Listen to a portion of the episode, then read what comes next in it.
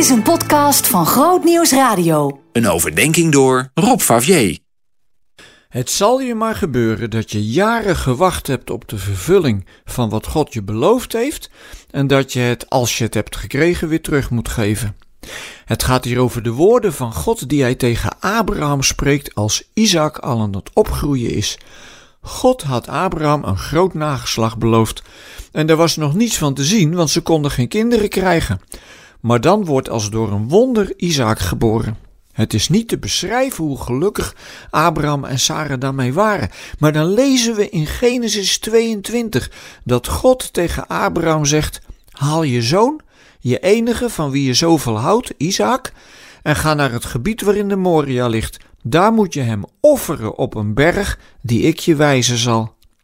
Wij lezen in het begin van het verhaal dat God dat deed om Abraham op de proef te stellen. Maar dat wist Abraham natuurlijk niet.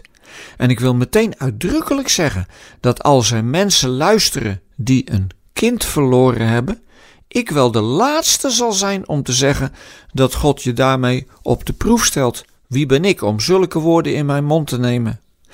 Maar bij Abraham is dat dus het geval.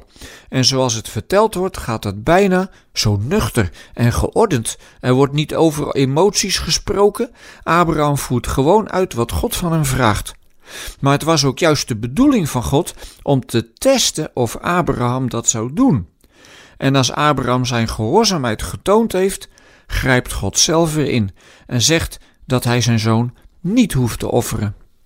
Dit doet natuurlijk wel denken aan een ander verhaal uit de Bijbel. Aan Jezus, de Zoon van God die naar ons toe kwam om geofferd te worden. En als hij daar uiteindelijk toe bereid is, grijpt God niet in om het te voorkomen. Jezus wordt daadwerkelijk aan het kruis geslagen en sterft. Blijkbaar was dat nodig voor al die keren dat mensen even niet zo gehoorzaam handelen als Abraham. Maar het lijkt de omgekeerde wereld, want eigenlijk zouden wij zelf natuurlijk geofferd moeten worden om de band met God weer goed te maken. Maar God kiest anders omdat hij zoveel liefde is dat niets en niemand hem kan tegenhouden, besluit hij zijn enige zoon op te offeren en ons te sparen. Misschien wel omdat wij helemaal niet in staat zijn om zelf de goede weg op te stappen, de weg van het koninkrijk. Nou, er zijn natuurlijk wel mensen die dat doen. En aan hen kun je zien wat het betekent dat God zoveel van ons houdt, dat hij zelfs zijn zoon voor ons over had. Zij gaan in zijn naam aan de slag en proberen met al hun fouten en gebreken, net zoals Abraham, te handelen. In gehoorzaamheid doen wat God van je vraagt. Maar dan op de basis dat God al heeft gedaan wat wij nodig hadden.